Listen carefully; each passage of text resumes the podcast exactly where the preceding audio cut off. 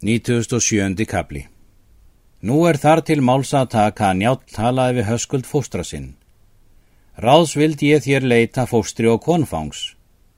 Höskuldi hveðst að vel að skapi og bað hann fyrir sjá eða hvar vilt þú helst áleita? Njátt svarar. Kona heitir Hildigunnur og er starkaðar dóttir Þórðarssonar freyskoða. Þann veit ég kost bestan. Höskuldur mælti. Sjá þú eitt fyrir fóstri minn, það skal mitt ráð sem þú vilt vera láta. Hér munum við áleita, segir njál. Littlu síðar kvatti njál menn til ferðar með sér. Fóru þeir Siffúsinir og sinir njáls allir og Kári Sölmundarsson. Þeir ríða austur til Svínafells. Fá þeir þar góðar viðtökur. Um daginn eftir ganga þeir njál og flósi á tal. Þar koma nýður ræður njáls að hann segir svo. Það er erindi mitt hingað að við er förum bónors för og mælum til mæða við þig flosi en til eigin orðs við hildugunni bróðurdóttur þína. Fyrir hvers hönd, segir flosi. Fyrir hönd höskulds tráinssonar fóstra míns, segir njál. Vel er slíkt stopnað, segir flosi, en þó hafið þér mikið í hættu hvori við aðra, eða hvað segir þú frá höskuldi? Gott má ég frá honum segja, segir njál, og skal ég svo fér til leggja að yður þykji sæmilega ef þér viljið þetta málað álitum gera. Kalla munum við á hana, segir Flósi, og vita hversu henni lítist maðurinn. Var þá sendt eftir henni og kom hún þangað. Flósi segir henni bónorðið. Hún hvaðs vera kona skapstór og veit ég eigi hversu mér er hent við það er þar eru svo menn fyrir en það þó eigi síður að sjá maður hefur ekki mannaforráð. Og hefur þú það mælt að þú myndir eigi gifta mig góðorslausu manni? Það er ærið eitt til, segir Flósi. Ef þú vilt eigi giftast höskuldi, að þá mun ég engan kosta á gera. Það mæl ég eigi, segir hún, að ég vil ég eigi giftast höskuldi, ef þeir fá honum mannaforráð, en ellegar mun ég engan kosta á gera. Njálmælti. Þá vil ég býða láta mín um þetta mál, þrjá vetur. Flósi svaraði að svo skildi vera. Þann hlut vildi ég til skilja, segir Hildigunnur, ef þessi ráð tækjust að við værum austur hér. Njálm hvaðst það vilja skilja undir höskuld, en höskuldur hvaðst mörgum vel trúa en engum betur en fóstra sínum. Nú ríða þeir austan. Njátt leitaði höskuldu um mannaforráð og vildi engi selja sitt góðorð. Líður nú sumarið til alþingis. Þetta sumar voru þingdeildir miklar. Gerði þá margur sem vant var að fara til fundar við njál, en hann lagði það til málamanna sem ekki þótti líklegt að eittu sóknir og varða því þræta mikil er málin máttu eigi lúkast og riði menn heim af þingi ósáttir. Líður nú þar til er kemur annað þing. Njáll reið til þings og er fyrst kyrt þingið allt þar til er njátt talar að mönnum væri mál að lýsa sökum sínum. Margir mæltu að til lítilsætti það koma er engi kæmi sínu máli fram þó að til alþingis væri stemt og viljum við er heldur, segja þeir, heimta vort mál með otti og eggju. Svo má eigi vera, segir njál og hlýðir það hvergi að hafa eigi lög í landi. En þó hafið þér mikið til yðvars máls um það og kemur það til vor er lögin kunnum og þeim skulum stýra. Þykir mér það ráð að við er köllum saman allir höfðingjar og tölum um.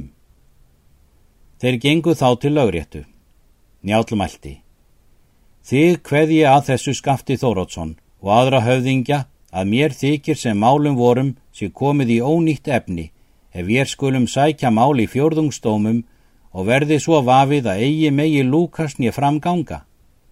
Þykir mér það rálegast að við rættum hinn fymta dóm og sættum þar þau mál er eigi megi að lúkast í fjórðungstómi. Hversu skalt þú, sagði skafti, nefna fymtardómin, er fyrir forn góðord er nefndur fjórðungstómur, þrennar tiltir úr fjórðungi hverjum, Sjámun ég ráð til þess, segi njál, að taka upp ný góðorð.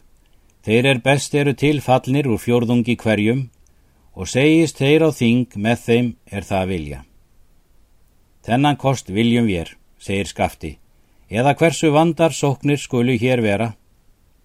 Þau mál skulu hér í koma, segir njál, um alla þings afglöpun, ef menn bera ljúvitni eða ljúkviðu.